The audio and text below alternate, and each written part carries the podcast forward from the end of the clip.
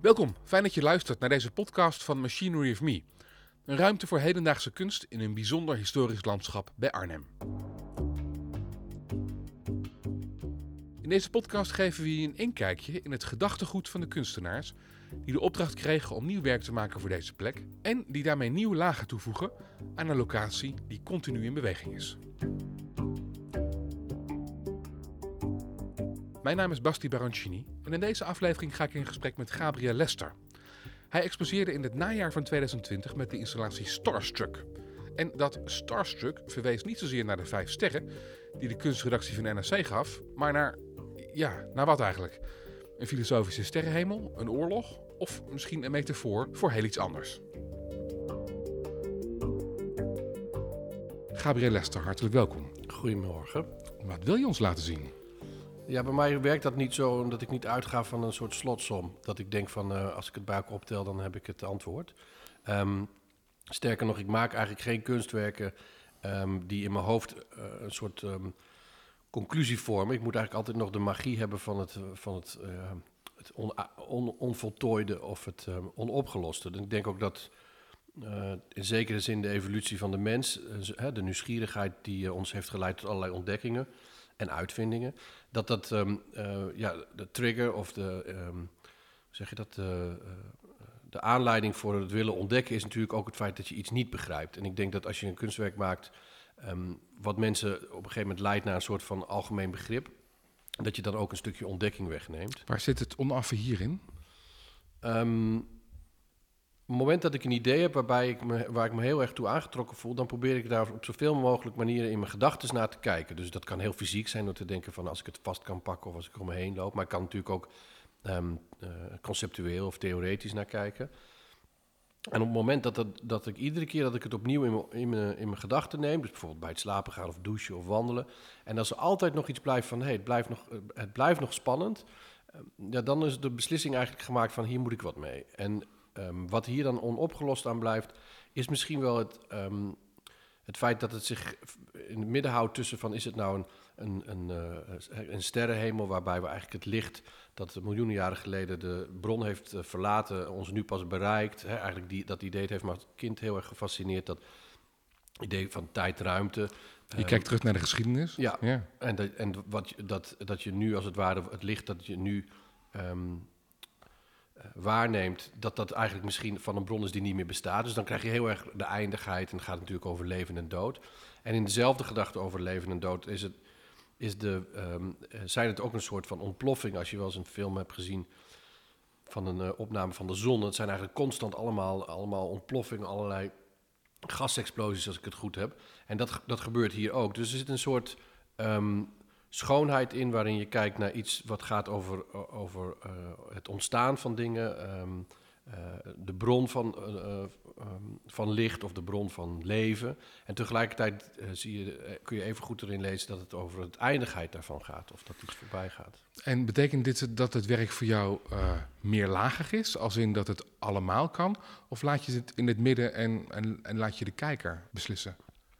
Wat dit beeld heel erg heeft, is iets subliems.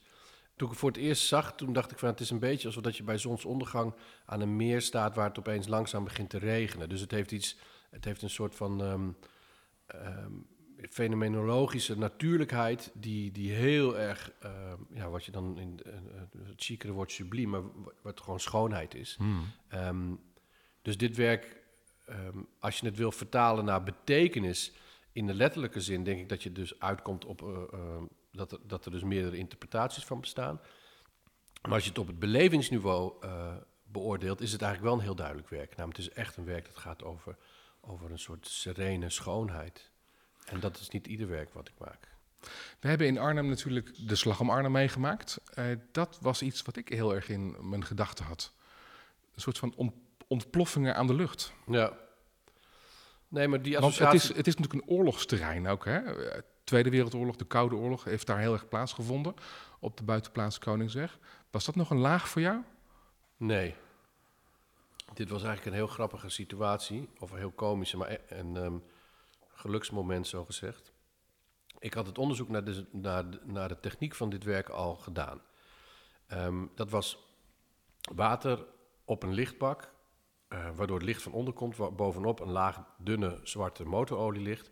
En op het moment dat de, de, de toplaag of de, de, motorolielaag wordt doorbroken, ontsnapt het licht wat ehm, onder het water aanwezig is. Dit had je al in je hoofd? Dat had ik al in mijn Ja. hoofd, al heel lang. Alleen het had een aantal problemen. Namelijk enerzijds eh, het geur. Ehm, de- je kunt een museum eigenlijk heel moeilijk opzadelen met een, een, een dusdanig penetrante eh, geur. Ook omdat ik denk dat heel veel mensen bang zijn dat het blijft hangen. Of dat het misschien wel in de doeken trekt. Eh, of een ander deel van de kunstwerken. Net als dat als je bij het kampvuur hebt gezeten, dat je kleren ernaar ruiken. Dus dat was een probleem. Het andere probleem was dat, het, dat je op voorhand wist dat het een ehm, eh, onderhoudsintensief werk zou zijn. Namelijk, eh, het water verdampt ook, dus de spiegel die daalt. Ehm, en tegelijkertijd ja, het zijn er een aantal mechanische elementen, namelijk het water moet worden gepompt, er moeten druppels van boven komen. En tenzij je echt met een heel groot budget werkt, en dan moet je echt denken dat, dat je in een opdracht van Mercedes-Benz of zoiets doet, eh, kom je toch altijd uit op, eh, zeker in de kunstwereld, op, op een beperkt budget. Dus dan weet je dat je het eigenlijk alleen kan doen als je de vinger aan de pols houdt en dat je dus echt eh, aandacht blijft hebben voor de circulatie en voor het functioneren van het werk. Het is, een, het is in die zin een levend kunstwerk dus. ja, absoluut. Het is een soort, je moet een soort tuinman zijn om het in stand te houden. Ja. En toen Machinery of Me mij uitnodigde, o- omdat ze eh, ehm, het werk dat ik maak ehm, inspirerend vinden, toen vertelde ze eigenlijk in zin drie of zo van ja, het is een voormalige eh, stook, ehm, oliestookruimte, zoals dat vroeger werd ge- gestookt. Eh, en we zijn alleen het weekend open. Dus toen was het opeens van, nou, oké, de geur gaat niet een probleem zijn. En je hebt eigenlijk vijf dagen per week de tijd om te troubleshooten. Dus toen zei ik van, ja, maar volgens mij hoeven we helemaal nergens meer over te praten. Ik heb een werk wat ik al zes jaar in mijn hoofd heb. En jullie, zijn, jullie bieden de, de plek waar dit kan. Dus, oh, dus er verschenen grote grijns op jouw gezicht. Ja, het was echt zo Hoe lang nou, heeft het je nog gekost om het te uitontwikkelen? Want iets in je hoofd kan nog bestaan, maar dit vraagt ook wel wat uitontwikkeling. Ja, dat doe ik niet zelf. Ehm, wel als het gaat over, ehm, hoe zou ik het zeggen? Je moet het een beetje zo zien dat ik dan werk als een componist. Dus dat betekent niet dat een componist ook de viool, de trompet en de drums bespeelt. Maar die, die vertelt wel van, nou, ik wil dat je daar wat harder speelt en daar wat zachter. Dus ik heb dan een aantal mensen in dienst. ehm, ja, die, die, die, bijvoorbeeld degene die het doet, werkt 14 jaar voor mij. Tom Jaspers. Ehm, en, en die zet ik met het probleem aan, eh, aan het werk. En ja, vervolgens moet ik een aantal momenten kiezen om te komen kijken of ik de druppelsnelheid goed vind, of ik de, de dikte van de druppel mooi vind, de hoogte enzovoorts. Dus dan. Maar het was technisch gecompliceerder dan het beeld. Dus wat dat betreft was het. ehm, het is altijd goed als je weet wat je, eh, wat je resultaat moet zijn. Eh, want dan, dan kun je daar naartoe. ehm, eh, de reis daar naartoe kun je dan ondernemen. Er zijn natuurlijk ook kunstwerken waarbij je eigenlijk elementen bij elkaar wil brengen en dan nieuwsgierig bent naar het resultaat. Over dat beeld gesproken, want je beschrijft hoe je het technisch ontwikkeld hebt en conceptmatig. Maar dit is natuurlijk een installatie. Van oudsher ben je ook heel erg thuis in bijvoorbeeld muziek en film. Mag ik zeggen dat ik het beeld hier zo sterk vind dat het bijna lijkt alsof er een fotograaf aan het werk is?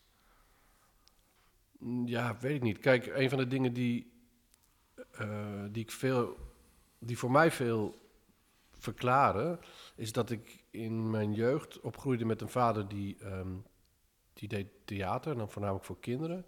En zijn specialiteit was pantomime. En dat betekent dus dat je eigenlijk ehm, door middel van suggestie eh, iets tot leven brengt. Dus als ik een, een, eh, op de juiste manier mijn handen vast, eh, de juiste manier een vorm in mijn handen kies en vervolgens naar mijn mond breng en dan een hap neem, dan, dan kan het nog een peer zijn, maar het is waarschijnlijk wel een appel. Net als dat ik, als ik op een bepaalde manier mijn armen omhoog hou en dan één recht en die andere een, een ehm, eh, strijkbeweging laat maken, dat iedereen ook wel ziet dat dat een viool is. Nou, aan de ene kant is dat een leuk, leuke manier om dat on, onaffe of het onvoltooide van mij eh, te illustreren, omdat die viool in jouw hoofd natuurlijk niet de viool is voor de ander. En dat geldt ook voor de appel die ik net eh, ehm, aangaf. Ehm, en dat, dat dit werk eh, heeft, staat heel erg in een lijn van werken die ik heb gemaakt, waarbij, waarbij ehm, het is eigenlijk een beetje de kunst van het weglaten. Misschien vind jij dat fotografisch, maar dus als je dus. stel- dat je vier, vier, vier dingen nodig hebt om iets eh, eh, eh, in de wereld te laten zijn. Ehm, nou, dus voor een appel heb je dan een, nou, een boom nodig en water en zon en aarde. Hè? Dan, heb je, dan heb je al gauw een appelboom. Maar als je, ehm, als je daarvan één weglaat, maar je kunt het toch in de, in de gedachten van mensen vorm laten krijgen, dan, ehm, dan, dan gebruik je suggestie eigenlijk om het, om het beeld bij de mensen op te roepen. En dit heeft, dit heeft wel die kwaliteit, dat het, het, het, ehm, het zet iets neer en eigenlijk wat je daarvan als beleving meeneemt, vertaal je naar iets concreters dan dat je eigenlijk ziet.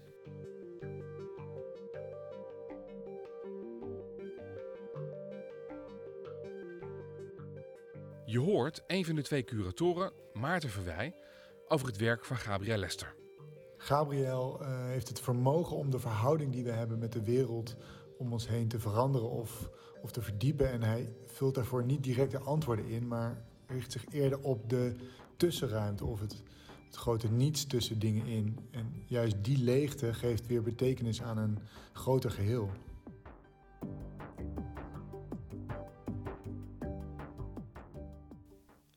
Ik kan me voorstellen dat veel kunstenaars bezig zijn met, eh, vanuit creëren met uh, iets neerzetten, iets wel maken, iets, mm. uh, iets wel schrijven of iets wel verven. Mm. En niet zozeer bezig zijn al in het concept mm.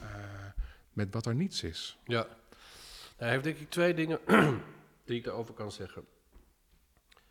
Enerzijds, zoals je zelf ook al aangaf, is mijn, mijn achtergrond is, is muziek. Of tenminste, mijn achtergrond. De eerste creatieve medium waar ik me echt mee bezig houden is met muziek. Dat was hip-hop. Ja. ja.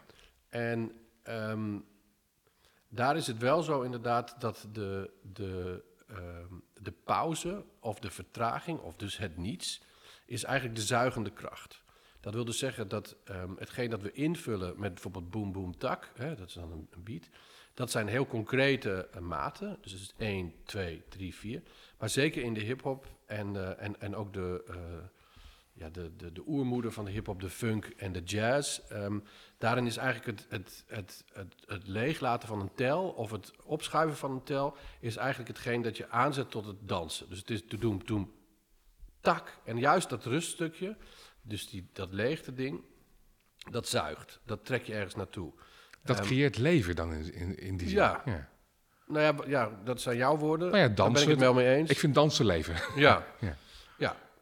Maar dat betekent dus dat, um, uh, dat dus de, de, uh, hè, dus net als licht en donker of uh, vol en leeg, is dat in, in het idee van de leegte ontstaat eigenlijk de kracht die, die, het, die hetgeen dat het opvult eigenlijk naar zich toe trekt. Dus je krijgt een soort zwart gat of een soort aantrekkingskracht. Nou, dat is één ding wat ik denk dat er heel erg in zit.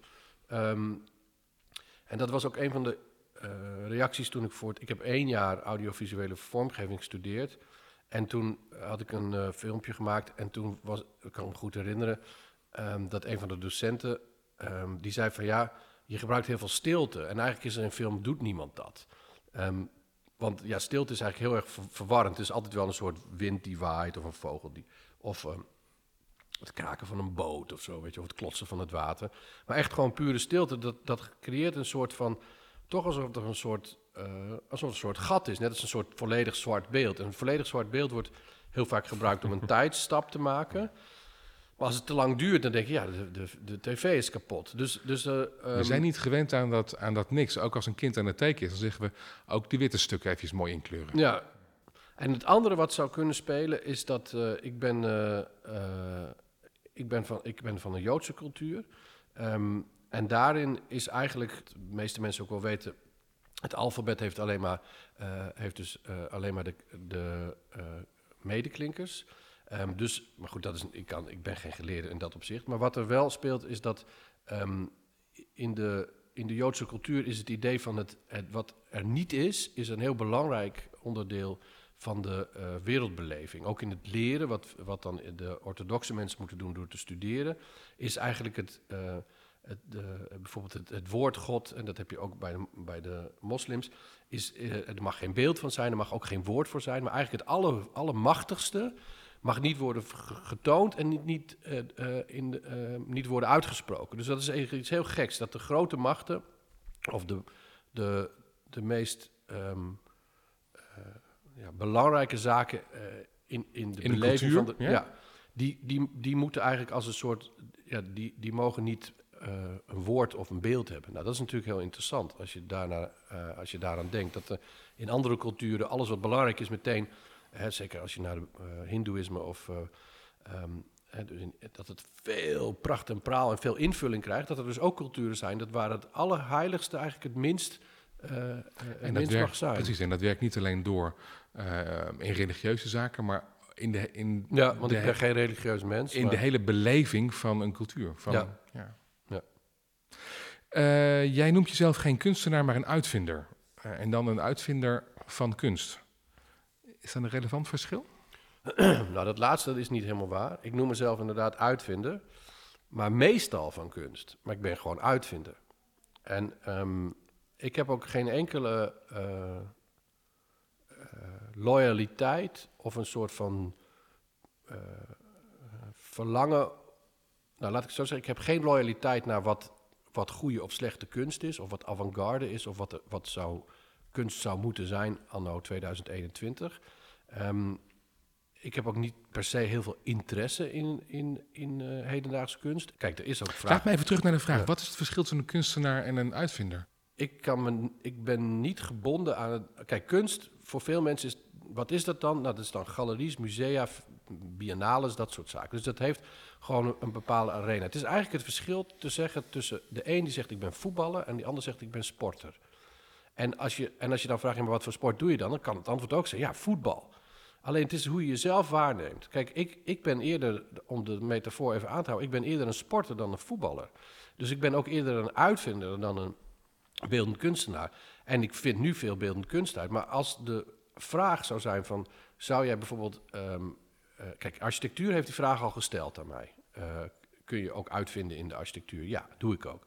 Cinema heeft die vraag ook al aan mij gesteld. Kun je uh, dingen bedenken in cinema? Dat heb ik ook al gedaan. Maar als de vraag op dit moment zou komen van... goh, we zitten met een sociaal-maatschappelijk probleem in een wijk in Arnhem... Um, kun je daar wat voor bedenken? Dan zou iedereen denken van... nou, hij maakt beelden, dus hij zal wel met een oplossing komen in de beeldende kunst. Maar dat is voor mij helemaal niet vanzelfsprekend. Dan dient misschien ook de vergelijking aan uh, met bijvoorbeeld iemand als Daan Roosgaarder... die ook uh, oplossingen voor maatschappelijke, uh, voor maatschappelijke problemen bedenkt. Ja, dat, Daan Roosgaarder is voor mij een soort equivalent van um, um, André Rieu... En ik ben dan gewoon wel een serieuze muzikant, want ik vind het nogal. Um, ik, ik, ik vind die oplossingen. Ja. Wat voor maatschappelijk probleem zou je eh, wel graag willen oplossen? Welke vraag hoop je dat er naar je toe komt? Nou, dat is niet zo makkelijk. Maar ik, uh, ik, ik denk dat waar ik goed in ben, is. Ik heb ook wel een uitspraak, die heb ik niet zelf bedacht. Maar die spreekt me wel aan. Is, van, is, van, is dat. Um, ik ben nog nooit een vreemde tegengekomen. En dat betekent dat ik eigenlijk met alle mensen van alle typen, alle achtergronden, alle leeftijden redelijk snel uh, ja, kan levelen, zoals we dan, dan zeggen, of in ieder geval contact kan leggen.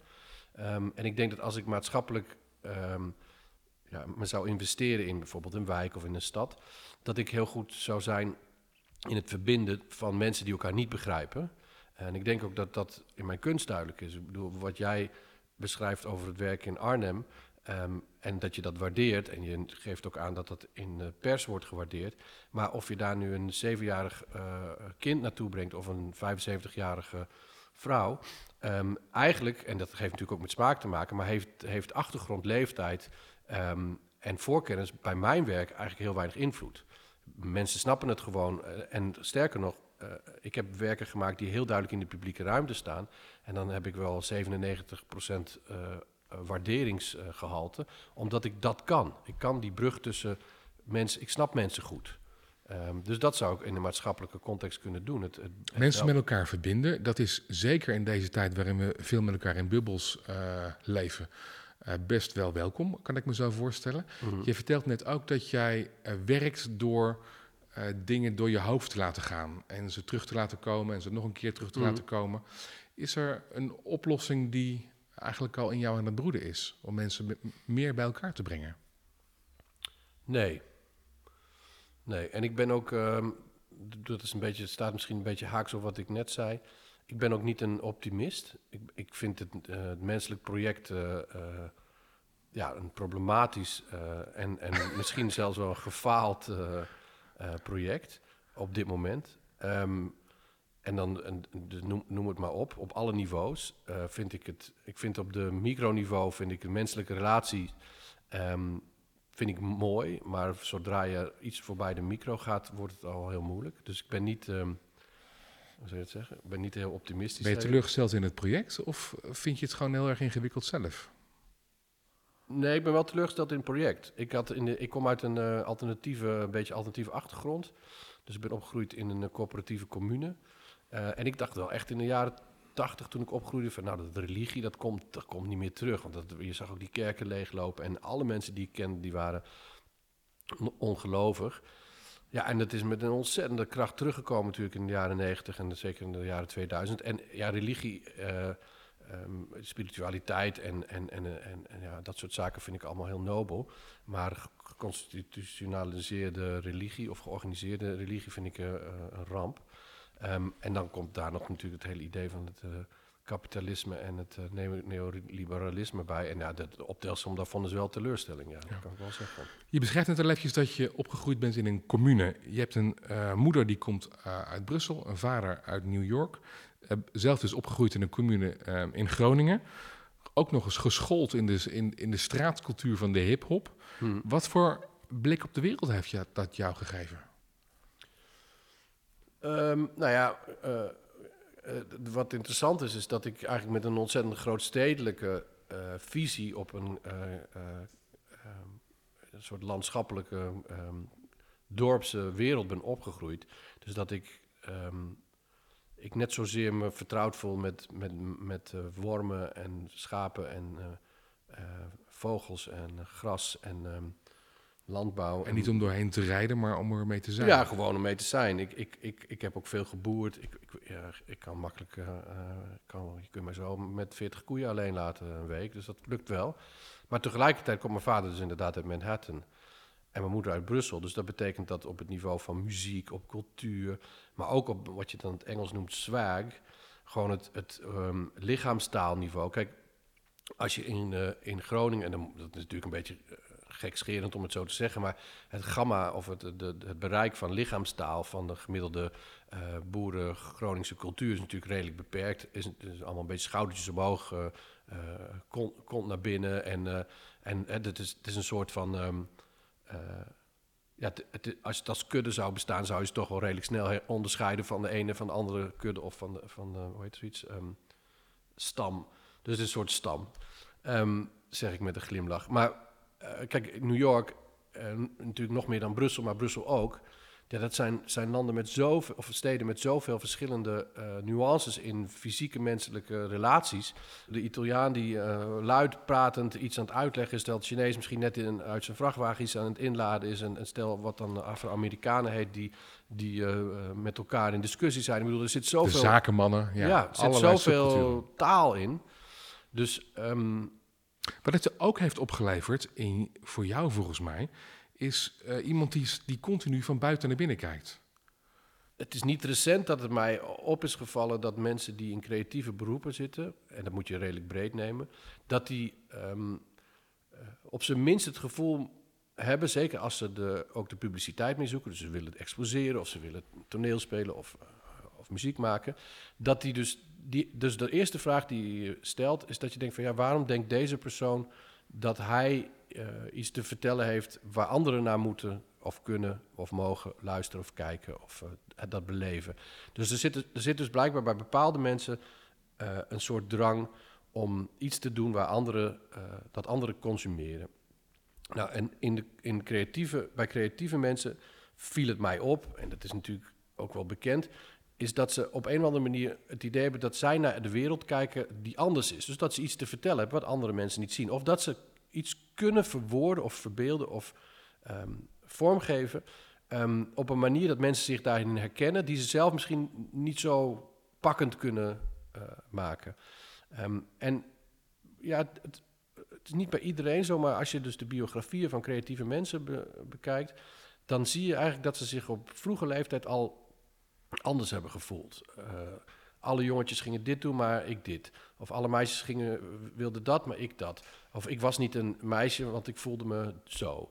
Dus eigenlijk het, een heel vroeg besef van het anders zijn. En um, Ja, dat heb ik, dat heb ik zeker.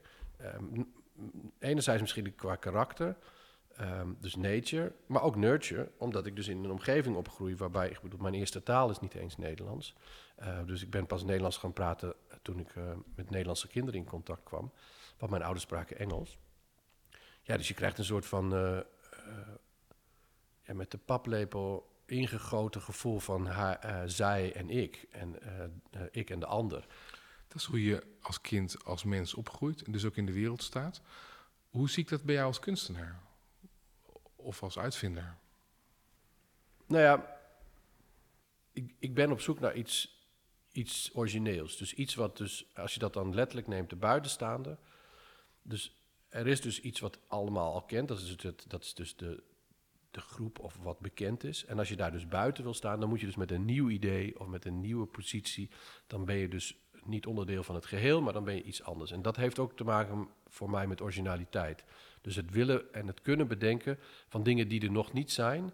Ehm, en dan is het dan helemaal niet de bedoeling om je dan uh, af te sluiten van de rest. Want dat is een beetje de um, gedachte die, denk ik, veel mensen zouden kunnen hebben. Is dat buitenstaanders eigenlijk dan ook niet bij willen horen. Dat is niet zo. In een eigen bubbel, ja?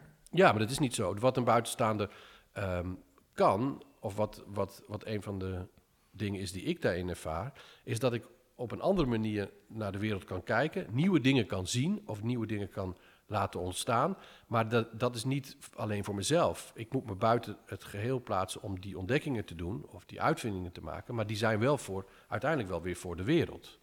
Gebeurt dat voldoende in kunst? Mensen helpen om anders naar hun eigen wereld uh, te laten kijken? Um, het heeft ook te maken met op welke manier we kunst uh, onderwijs geven en op welke, sorry, op welke manier we kunstonderwijs geven en op welke manier we omgaan met um, uh, hoe we kunst waarderen. En dat is natuurlijk zeker, en dat is sterker geworden nu dat de markt ook heel belangrijk is, maar er is een, er is een type kunst en, dat, en die gaat ervan uit dat je, um, dat je ontwikkeling um, eigenlijk een soort tocht is naar de essentie. Dat wil zeggen dat, uh, dat is ook iets wat heel erg in de kunst heerst. Is dus dat als je dus bijvoorbeeld uh, je werk laat inspireren door de natuur of door, door, door politiek of door um, uh, misschien wel geometrie, dat het dus eigenlijk de waarde van die kunst um, toeneemt naarmate je in je tocht als kunstenaar of in je onderzoek als kunstenaar steeds dieper tot de, de waarheid of de essentie of de betekenis van dat onderwerp doordringt. Um, en dat is, ja, dat, is dat, dat geldt heel erg in de kunst. Maar dat wil dus niet zeggen dat je per se vernieuwing of ontdekking krijgt. Maar dat, dat is dus eigenlijk uh, het verhogen van de concentratie waarmee je naar iets kijkt. Dat kan ook zijn dat je begint met een hele grote blauwe stip en dan worden er twee. En uiteindelijk word je toch meester van die stip of zo. Dat is wel echt een soort kunsttraditie. Um, dat waardeer ik ook, zeker als mensen dat goed doen. Het probleem is alleen dat, uh, uh, het, dat het niet erg toegankelijk is, of vaak niet toegankelijk is voor uh, anderen. En dat komt omdat um, verbeelding is iets anders dan een soort van ja, een soort van onderzoek waarbij je naar een soort essentie probeert te komen. Dat is voor een toeschouwer vaak veel minder makkelijk te volgen. Zeker als je dat zonder taal doet. Ja. ja. Um, ja, het is, het is, helemaal niet makkelijk om daar kort iets over te zeggen of over stellingen over te nemen. Ik, ik ben niet per se een hele grote fan van kunst. Ik, um, bij mij staat op één echt wel muziek en dan komt er achteraan komt literatuur en dan cinema en, en, misschien staat architectuur nog wel net voor kunst. En kunst staat dan wel weer voor dans, want daar ben ik niet zo uh, tuk op. Maar um, als ik dat zo zeg en, en, uh, en ik ben dan een beetje zo van... ja, nou, kunst ben ik niet zo'n ontzettende fan van... en er zit dan iemand in de kamer die zegt van... ja, ik vind het ook niet... en ik weet dat dat geen kunstenaar is... dan zeg ik wel van ja, maar er is wel heel veel goede kunst. Ik bedoel, er is natuurlijk waanzinnig veel goede kunst. Alleen, um, ja, als, als, uh, als kunstvorm binnen alle kunstvormen... Ja, vind, ik het, vind ik het niet per se de meest interessante. Um, maar wat interessant is, is dat als, als, de, als de hedendaagse kunst net zo divers zou zijn als de hedendaagse muziek, dan zou het wel wat meer swingen. Dus dat zou wel fijn zijn. Want het is natuurlijk nu ook wel allemaal een beetje, uh, het zijn maar twee genres of zo. Het zou een beetje zijn of dat jij de, het aanbod aan muziek zo afstruinen dat je denkt van nou, ik kan country en western kiezen en opera. Weet je, en meer niet. En dat, dat is natuurlijk, het, het zou wel fijn zijn als er, als er wat meer ehm, verschillende dynamieken. Meer lagen, meer Ja. kleuren, meer tonen. Ja. Gabriel Lester, dankjewel.